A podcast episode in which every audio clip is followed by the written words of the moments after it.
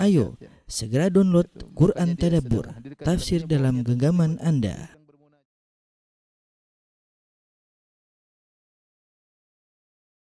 Bismillahirrahmanirrahim. Assalamualaikum warahmatullahi wabarakatuh.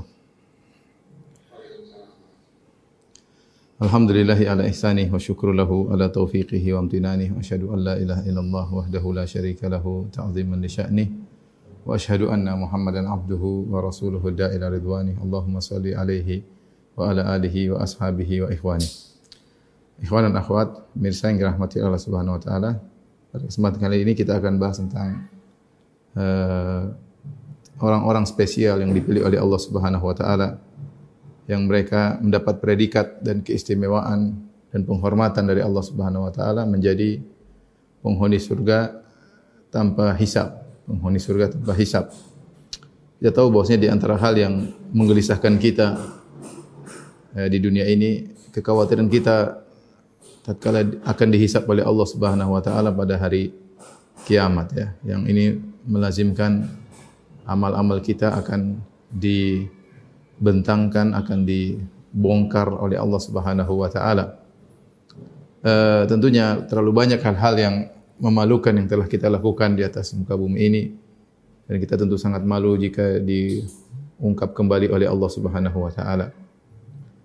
Oleh karenanya di antara doa Nabi sallallahu alaihi wasallam, Allahumma hasibna hisaban yasiran. Ya Allah, hisablah kami dengan hisab yang yang ringan ya. Uh, sampai para ulama berselisih tentang uh, dosa yang sudah kita bertobat darinya. Apakah masih akan diperlihatkan oleh Allah atau tidak? Maka uh, ada khilaf di kalangan para ulama. Ya. Sebagian ulama mengatakan bahwasanya meskipun seorang sudah bertobat tetap saja diperlihatkan catatan perbuatannya dan ini adalah perkara yang memalukan tatkala dihisap diperlihatkan kau pernah begini meskipun aku mengampunimu. Dan sebenarnya mengatakan bahwasanya catatan tersebut sudah dihapuskan uh, oleh Allah Subhanahu wa taala sehingga tidak tidak ditampakkan lagi. Ala kulli hal apapun yang terjadi namanya hisab adalah perkara yang uh, menggelisahkan, mengkhawatirkan kita. Ya.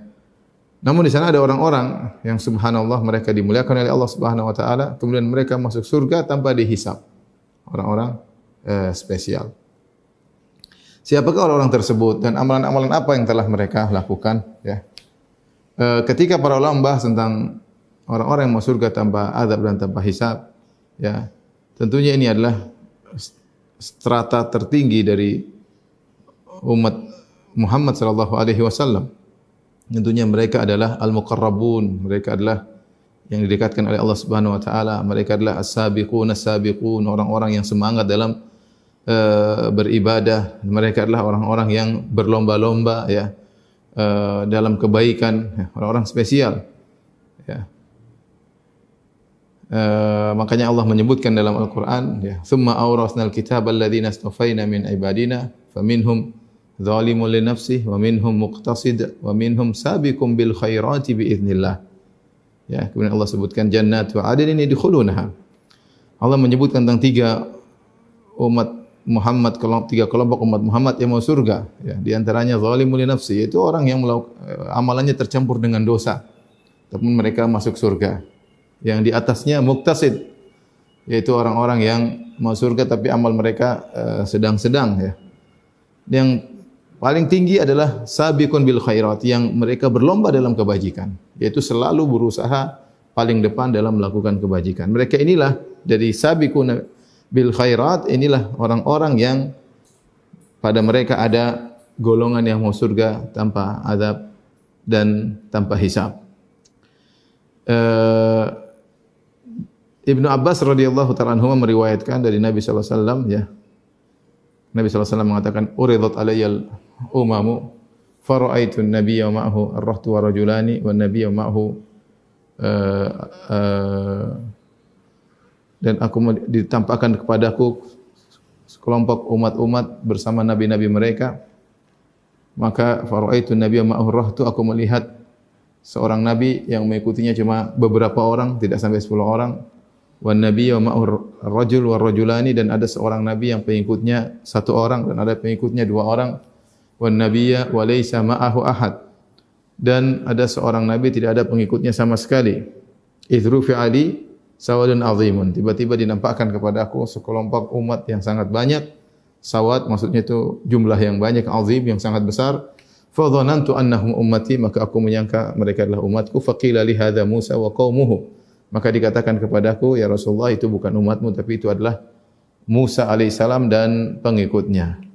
Fa nadhartu aku melihat ke arah yang lain tiba-tiba ada jumlah yang lebih besar lagi.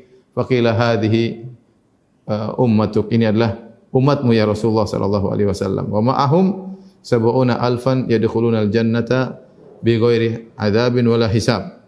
Dan di antara umatmu ada 70 ribu orang yang mau surga tanpa azab dan tanpa hisab. Ya, hadis ini yang jadi landasan para ulama ketika membahas tentang orang-orang mau surga tanpa azab dan tanpa hisab. Rasulullah SAW menyebutnya ada 70 ribu orang.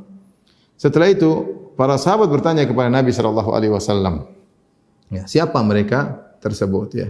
Sebelumnya para sahabat ada yang mereka menerka-nerka ya wala ala ba'dhum ya uh, wulidu fil islam wala musyriku bihi syai'a wala musyriku billahi syai'a mungkin mereka ini yang lahir dalam kondisi Islam dan tidak pernah buat berbuat syirik sama sekali ada yang mengatakan fala alahumul ladina sahibu Rasulullah sallallahu alaihi wasallam mungkin mereka sahabat-sahabat spesial Rasulullah sallallahu alaihi wasallam wa dzakaru asya'a mereka menerka-nerka menafsir-nafsirkan siapakah 70 ribu orang masuk surga tanpa azab dan tanpa hisab.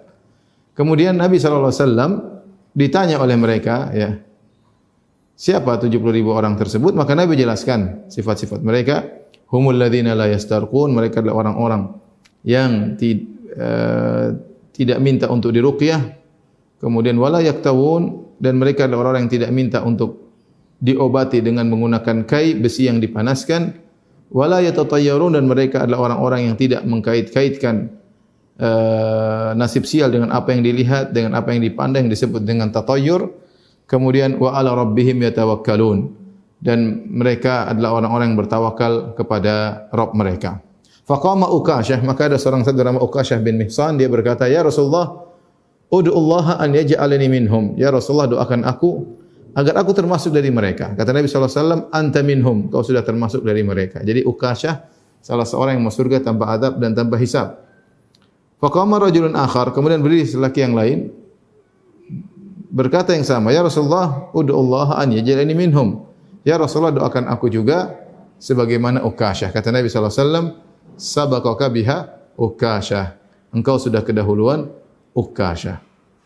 Inilah hadis yang jadi landasan para ulama ketika berbicara tentang orang-orang yang masuk surga tanpa adab dan tanpa hisab dan juga amalan-amalan apa yang mereka lakukan. Sebelumnya kita akan bahas uh, berapa jumlah orang-orang masuk surga tanpa adab dan tanpa hisab. Jadi poin yang pertama kita bahas adalah uh, jumlah yang masuk surga tanpa hisab. Eh, dalam hadis disebutkan wa ma'ahum sab'una alfan 70 ribu. Ya. 70 ribu masuk surga tanpa adab dan tanpa hisab. Tentunya 70 ribu ini uh, ada dua pendapat di kalangan para ulama menafsirkan 70 ribu ini. Dua pendapat. Pendapat pertama yang mengatakan 70 ribu maksudnya jumlah yang banyak. Maksudnya jumlah yang banyak. Dan jadi bukan pada zahirnya ini metode orang-orang Arab dalam bahasa Arab karena Al-Quran dan Hadis menggunakan bahasa Arab maka mereka dalam memahami sesuatu mereka menggunakan uslub orang-orang Arab. Orang-orang Arab dahulu kalau ingin mengungkapkan banyak mereka sering menggunakan kata 70 sering mereka menggunakan kata 70 dan oleh karenanya dalam beberapa lafal-lafal hadis yang ada kata 70 70 maka selalu biasanya timbul ada khilaf. Ada yang mengatakan itu maksudnya banyak.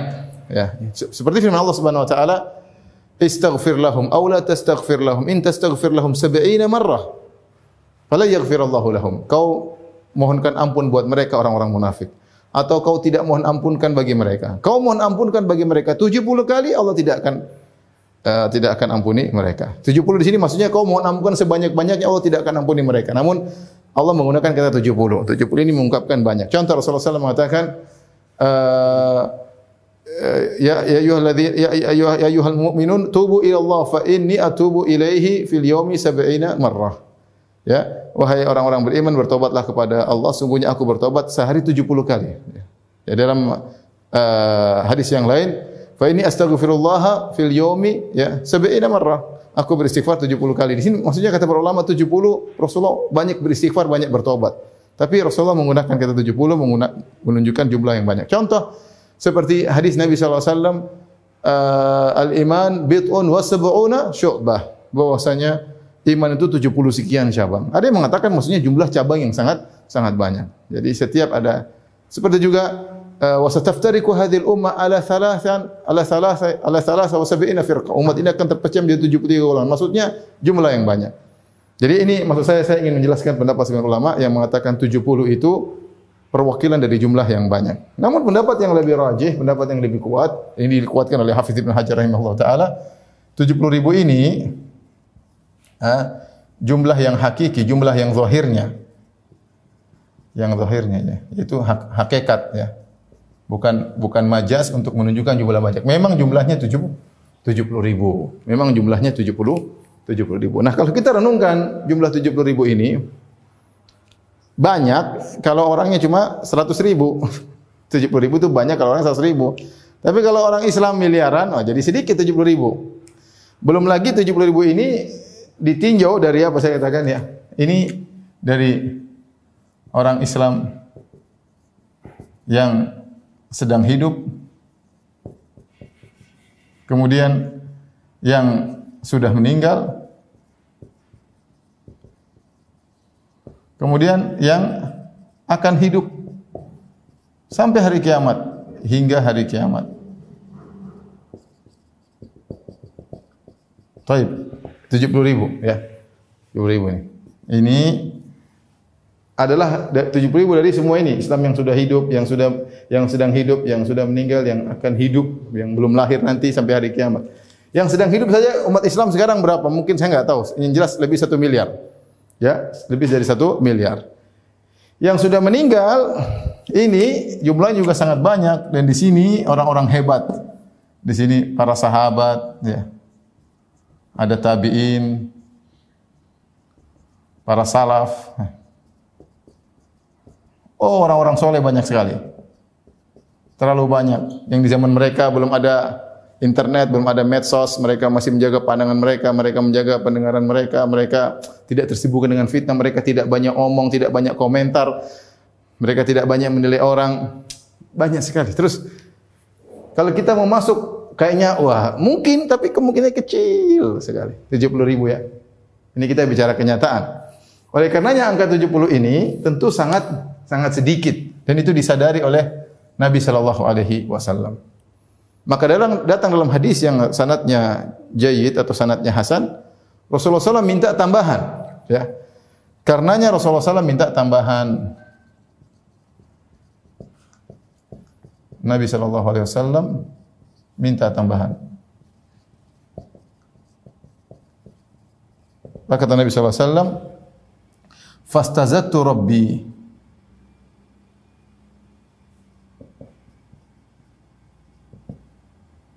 fazadani ma'a kulli alfin sab'ina alfan. Taib kata Nabi SAW, aku pun minta kepada tambahan kepada Robmu, kepada Robku. Maka Allah beri tambahan, perhatikan sini biar kita hitung bareng-bareng. Allah beri tambahan, tambahannya, maka Allah tambah tambah setiap seribu membawa tujuh puluh ribu. Tujuh puluh ribu. Jadi total, total jumlahnya adalah tujuh puluh satu kali tujuh puluh ribu. Sama dengan berapa ini? Empat juta sembilan ratus tujuh puluh ribu. Coba Ya benar.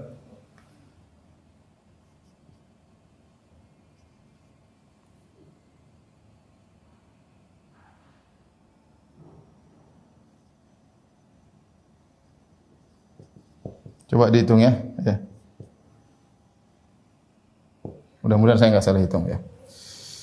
Benar. 4 juta 970 ribu. Ya. Jadi ini jumlah yang yang setelah ditambah jadi 4 juta 970 ribu. Kemudian yang menakjubkan lagi dalam hadis disebutkan ada tambahan wasalasu wasalasa hasayatin min has min hasayati rabbi dan ditambah lagi dengan tiga hasayat itu pakai kalau kalau kita manusia hasayat itu mengambil dengan kaf misalnya ngambil ngambil itu namanya hasayat ya diambil ya tiga genggaman ya.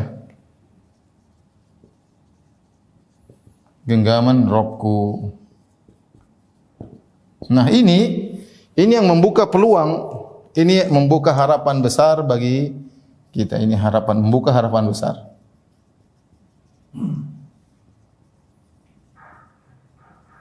Allah mengambil tiga genggaman dari orang-orang umat Muhammad sallallahu alaihi wasallam untuk masuk surga tanpa azab dan tanpa hisab ditambah dari 4 juta 970 ribu.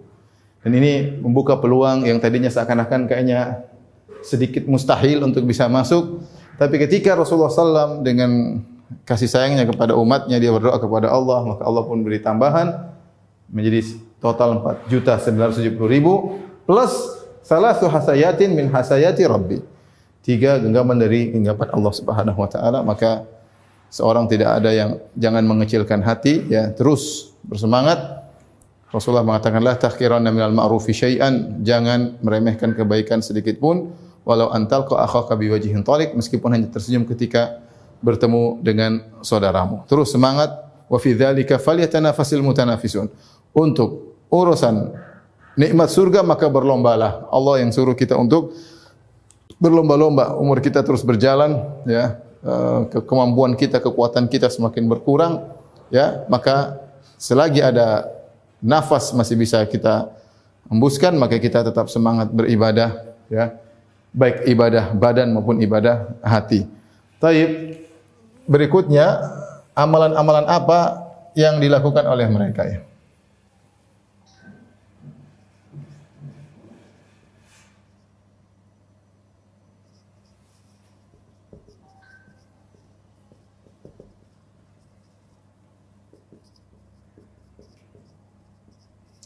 Dalam hadis ketika kita bahas ternyata Rasulullah menyebutkan empat sifat.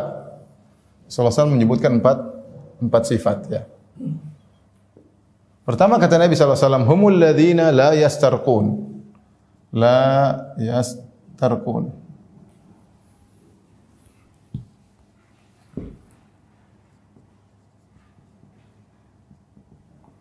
Tidak meminta untuk dirugyah.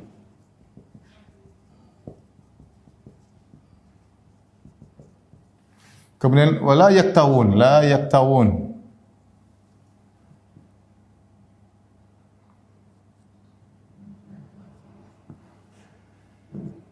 Tidak meminta orang lain untuk mengobatinya dengan kai. Kai itu besi yang dipanaskan.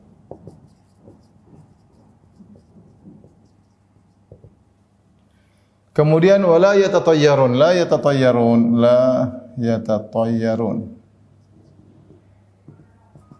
Uh, tidak bertatayyur. Itu anggapan pamali dan semisalnya, anggapan pamali dan semisalnya. Kemudian wa ala rabbihim yatawakkalun yang keempat wa ala rabbihim yatawakkalun dan mereka bertawakal kepada kepada Rabb mereka.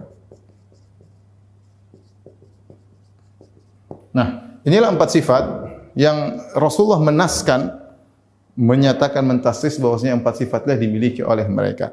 Maka secara uh, sederhana kalau kita ingin termasuk dari 70 ribu orang atau 4 juta 970 ribu orang atau tambahan yang Allah berikan maka berusaha memiliki sifat-sifat ini. Tidak minta untuk diruqyah, tidak minta orang lain untuk mengobati dengan kai, kemudian tidak minta untuk uh, tidak bertatayur dan bertawakal kepada Allah Subhanahu wa taala ya.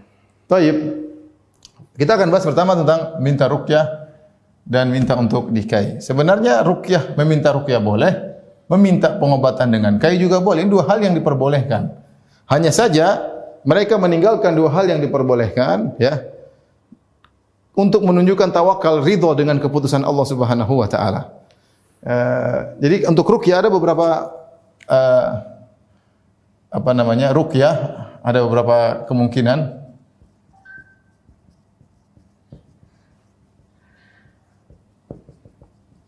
Ini ruqyah maksudnya ruqyah yang diperbolehkan ya. Kemungkinan pertama uh, meruqyah orang orang lain. Tentu ini tidak mengapa ya, tidak mengapa. Bahkan sunnah. Bahkan sunnah.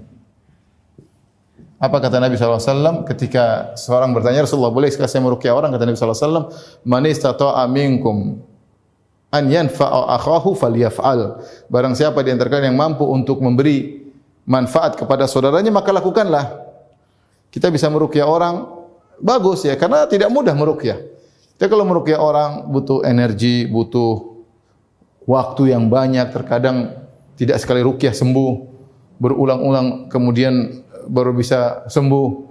Terkadang jinnya balas dendam, kemudian jinnya mengganggu anak-anak, mengganggu keluarga. Ini terjadi.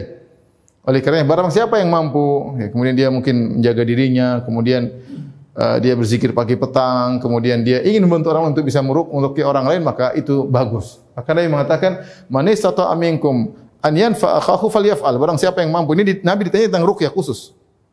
Nabi bertanya, Nabi ditanya tentang bolehkah saya merukyah kata Nabi barang siapa yang mampu untuk beri manfaat kepada saudaranya lakukanlah. Jadi orang berbuat rukyah adalah orang berbuat ihsan, berbuat kebaikan kepada orang lain. Bayangkan betapa menderitanya orang terkena sihir, menderita. Kadang keluarganya hancur, kadang ekonominya hancur, kesehatannya hancur. Terus dia datang, dia merukyah, dia baca sampai sembuh, luar biasa pahalanya. Luar biasa. Oleh karenanya merukyah orang lain adalah suatu uh, ibadah ya. Yang model kedua, ya diruqyah orang lain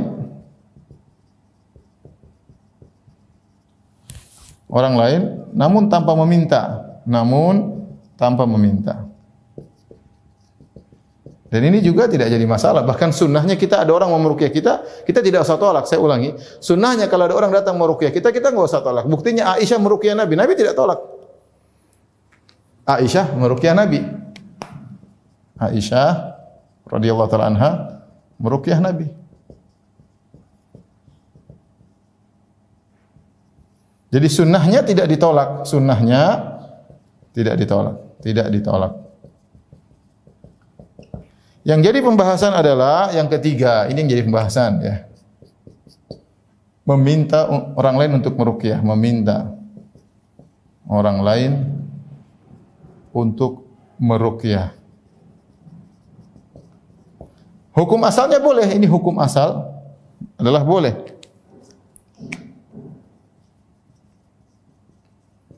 Adalah mubah, boleh. Cuma ditinggalkan oleh orang tersebut dalam rangka untuk bertawakal kepada Allah Subhanahu wa taala. Sehingga dia tidak minta untuk diruqyah. Kalau ada yang datang meruqyah dia tidak tolak, tapi dia tidak minta orang untuk meruqyah. Kenapa? Kenapa dia tidak minta? Karena namanya orang meminta, ya meminta kurang bagus ya. Namanya meminta itu orang sering banyak meminta, bisa jadi tawakalnya kurang, bisa tawakalnya kurang. Oleh karena Rasul tidak suka orang minta-minta kecuali dalam kondisi darurat. Kecuali dalam kondisi darurat maka boleh meminta, ya. Asalnya meminta tidak diperbolehkan ya. Ya, sebagaimana perkataan Syekh Islam Ibnu Taimiyah rahimahullahu taala, ya, wahtaj ila man syi'ta takun asirahu. Kau silakan butuh kepada orang lain maka kau akan menjadi tawanannya. Namanya kalau kita minta-minta, kita ada kerendahan kepada dia.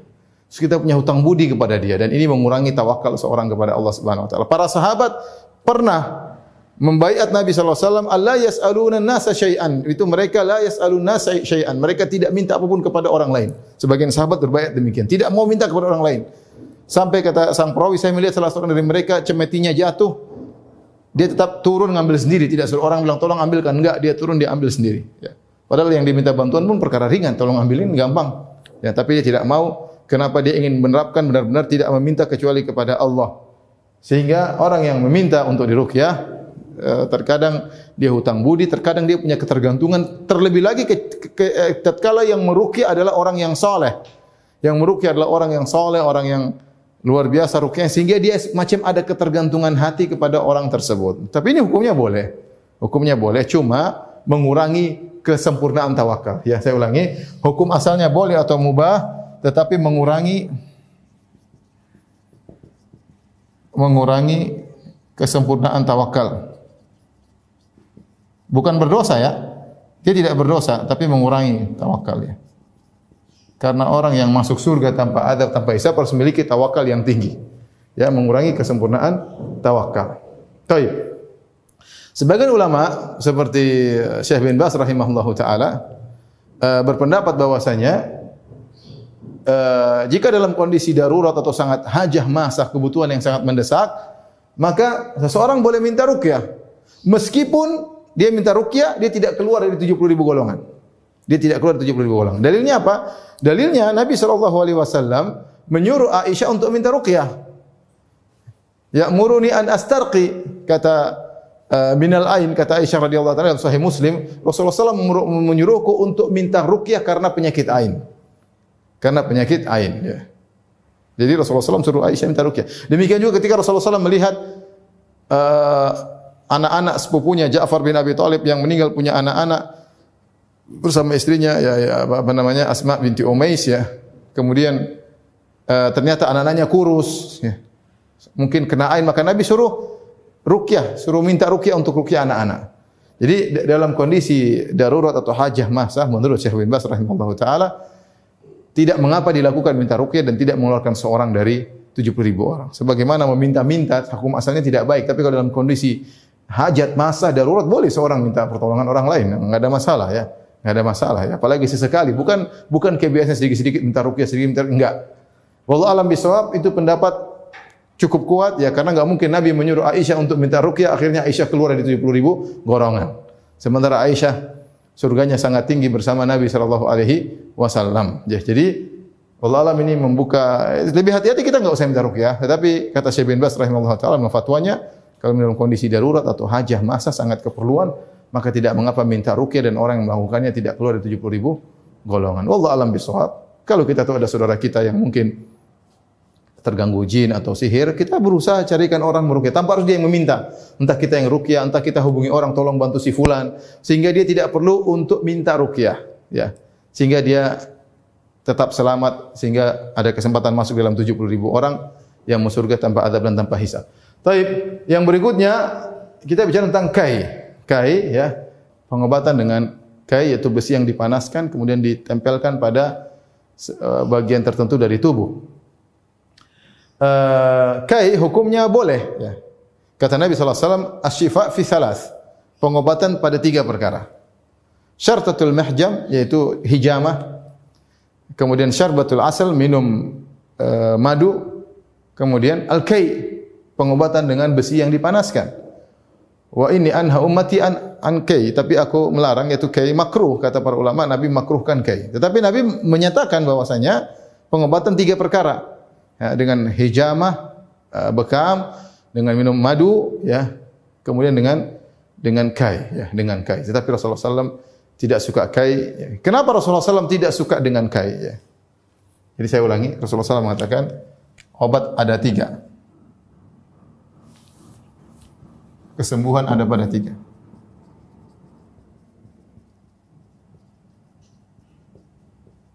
Yang pertama adalah uh, bekam, kemudian madu, kemudian kai. Kai. Nah, kenapa Rasulullah SAW menganggap kai ini makruh? Kenapa? Kenapa makruh? Makruh. Allah alam disebutkan karena beberapa hal di antaranya kai makruh karena dia ada seperti penyiksaan dengan dengan api mirip. Rasulullah SAW tidak suka dengan api dibakar seakan-akan ada pembakaran. Yang kedua, kai dahulu adalah kai adalah obat obat sangat manjur. Di zaman tersebut sampai sekarang ya sangat manjur. Sehingga muncul istilah muncul istilah akhirud dawa akhirud dawa al-kai yaitu obat terakhir adalah kai maksudnya apa? Kalau sudah dikai biasanya sembuh. Seperti tadi saya contohkan kasus tadi setelah kita baca penuturan mereka sudah pergi ke dokter bertahun-tahun sudah ngabisin duit banyak. Begitu dikai bisa kemudian sembuh dalam waktu yang uh, yang singkat. Hanya memain beberapa menit ya tidak semua berhasil tentunya ada juga di antara mereka yang gagal tapi tidak banyak juga yang berhasil ini salah satu metode pengobatan nah ketika kai ini adalah obat yang sangat manjur dikhawatirkan seorang melupakan hakikat sesungguhnya yang menyembuhkan itu Allah Subhanahu wa taala sehingga hatinya lebih condong kepada kepada uh, sebab tersebut. Dikhawatirkan hati condong kepada sebab, akhirnya dia bisa mengurangi nilai tawakal, bisa mengurangi kesempurnaan tawakal. Maka Nabi SAW tidak suka pengobatan dengan kai, ya, tidak suka pengobatan dengan dengan kai. Ya. Jadi seorang berusaha berobat, tapi jangan pakai kai, berobat yang lain. Ya. Jadi bagaimana Ustaz? Ya, kalau kita terkena gangguan jin atau terkena sakit, ya kita berusaha merukyah diri sendiri. Yang terbaik seorang merukyah diri sendiri. Ya. Kenapa? Karena kita yang sakit. Ya. Demikian juga kalau ada keluarga kita, kita yang rukyah. Karena kita yang paling ansah, yaitu yang paling ingin kebaikan bagi kerabat kita. Kalau kena sakit, kita yang mengobati istri kita, anak kita, kita orang tua kita, kita yang rukyah. Tidak usah panggil orang-orang yang baca saja. Kita juga bisa baca kok. Kita juga bisa baca dengan penuh kesabaran, baca dengan berdoa kepada Allah Subhanahu wa taala ya. Ya, apalagi rukyah digabung dengan doa, maka luar biasa ya berdoa kemudian rukyah, doa berukyah berusaha kita. Kalau memang tapi kalau kita ingin minta tolong sama orang tidak jadi tidak jadi masalah. Tapi seorang berusaha merukyah dirinya sendiri. Terus demikian juga pengobatan, ya meskipun kai boleh tapi seorang berusaha menghindar khawatir uh, termasuk dalam hal ini yaitu membuat seorang tidak masuk dari 70 ribu orang masuk surga tanpa adab dan tanpa hisab. Sering orang bertanya, "Ustaz, kalau saya pernah minta rukyah, kalau saya pernah minta untuk dikai ya. Ingat ya, ini juga sama kasusnya eh, saya ulangi, ini meminta. Ya. Adapun kalau mengkai orang eh, atau mengkai diri sendiri tidak jadi masalah. Nabi SAW dalam beberapa kejadian mengkai sahabat. Seperti ketika sahabat sakit ya, Ubay bin Ka'ab. Maka Rasulullah SAW mengkai Ubay bin Ka'ab. Contohnya lagi seperti ketika Sa'ad bin Mu'ad radhiyallahu anhu terkena panah. Kemudian Rasulullah mengkai lukanya dengan uh, besi yang dipanaskan. Ya. Yang jadi masalah meminta. Sama, ini sama-sama yang jadi masalah meminta. Adapun merukyah mengkai diri sendiri atau mengkai orang lain tidak jadi tidak jadi masalah bahkan bisa jadi kita membantu orang lain ya. Uh, kalau ada yang bertanya Ustaz, saya dulu pernah berobat dengan minta dikai atau minta dirukyah. Saya ingin masuk 70 ribu orang masuk surga tanpa adab, tanpa hisab. Apakah saya perlu bertobat Ustaz?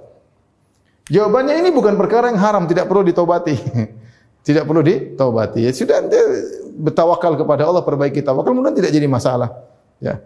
Jangankan ini, bahkan sebagian orang terjerumus dalam kesyirikan, dia bertobat, dia bisa masuk 70 ribu tanpa adab, tanpa hisap yang penting dia mengkuatkan, memperbaiki dirinya, bertobat dari maksiatan yang dia lakukan, bertobat dari kesyirikan yang dia lakukan, kemudian perbaiki tawakalnya. Kalau kita pernah terjerumus dalam hal ini, ini bukan dosa, maka tinggal kita perbaiki diri kita, ya semoga bisa kembali kepada kondisi yang lebih sempurna sehingga masuk surga tanpa hisap. Taib yang berikutnya, walai atau yarun, yaitu tidak pernah minta di uh, tidak pernah mengkaitkan nasib sial dengan sesuatu yang dilihat, sesuatu yang dipandang, sesuatu yang didengar. Kalau bahasa kita namanya pamal ini sangat tersebar di uh, masyarakat. Ini hukumnya haram. Ini hukumnya haram. Bahkan dia syirik kecil. Kata Nabi SAW, Atiyaratu syirkun, tatayur syirik, tatayur syirik. Apa tatayur? Mengkaitkan pamali. Misalnya, uh, ada burung gagak lewat, oh ini ada yang meninggal kayaknya uh, ada burung hantu hari ini bahkan ada musibah. Kenapa burung hantu hinggap di rumah kita?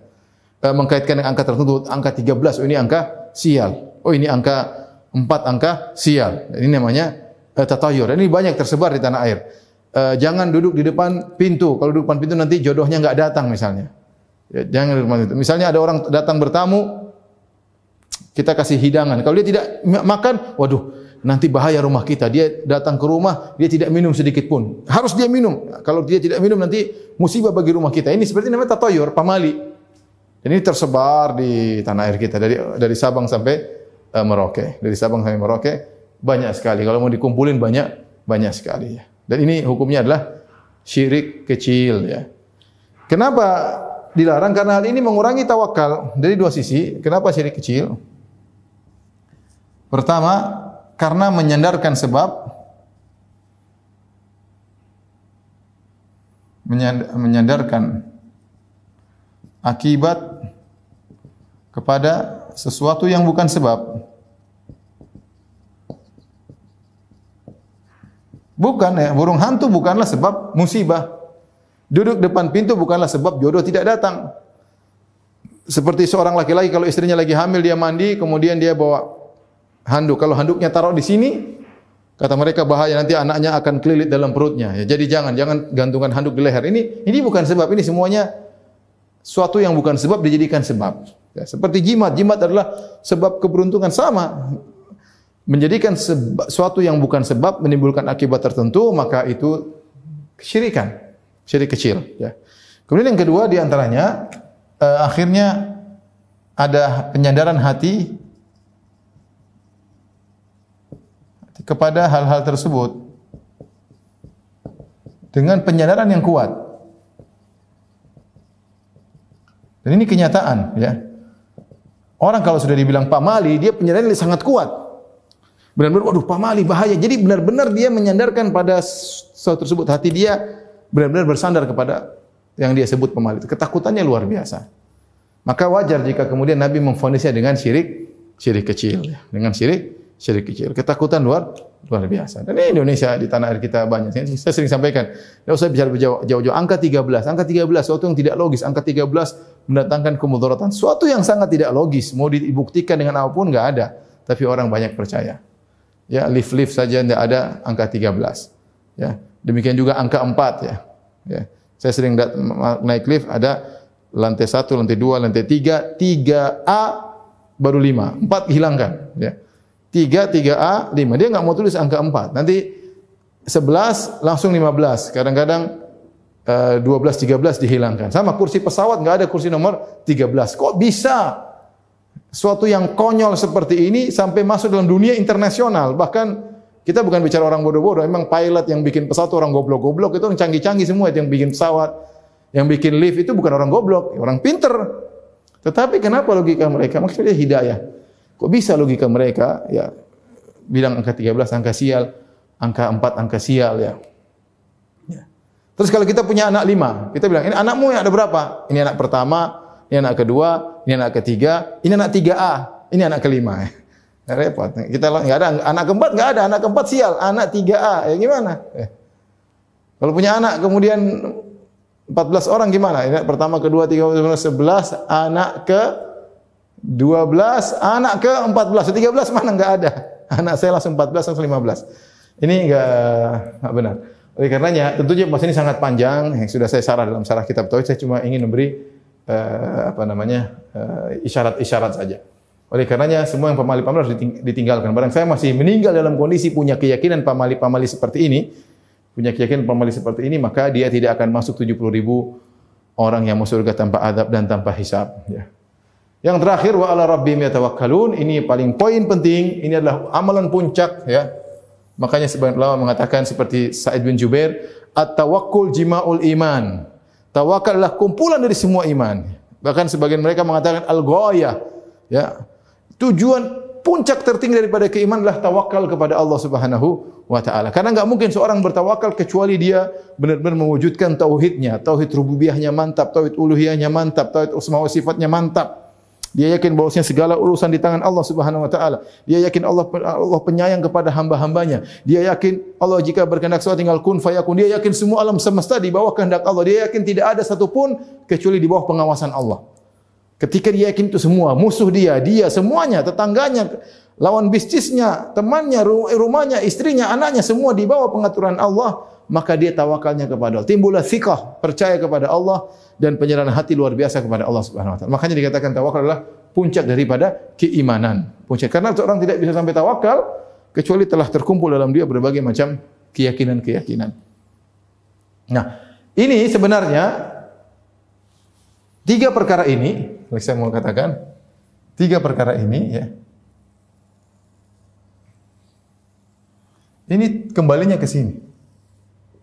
Seakan-akan sifat keempat, ini sifat pertama, sifat kedua, sifat ketiga, kesimpulannya kepada sifat keempat. Ini.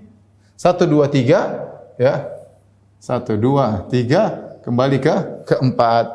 Kenapa tadi kita bilang uh, tidak boleh minta atau makruh minta untuk di, minta dirukyah, makruh untuk minta ini kenapa? Karena mengurangi tawakal. Karena mengurangi tawakal. Jadi ketiga sifat ini kembali kepada sifat tawakal. Maka seorang berusaha mengumpulkan sifat-sifat ini. Ustaz, apakah kalau orang memiliki sifat-sifat ini masuk 70 ribu? Kita bilang, Wallah alam ya.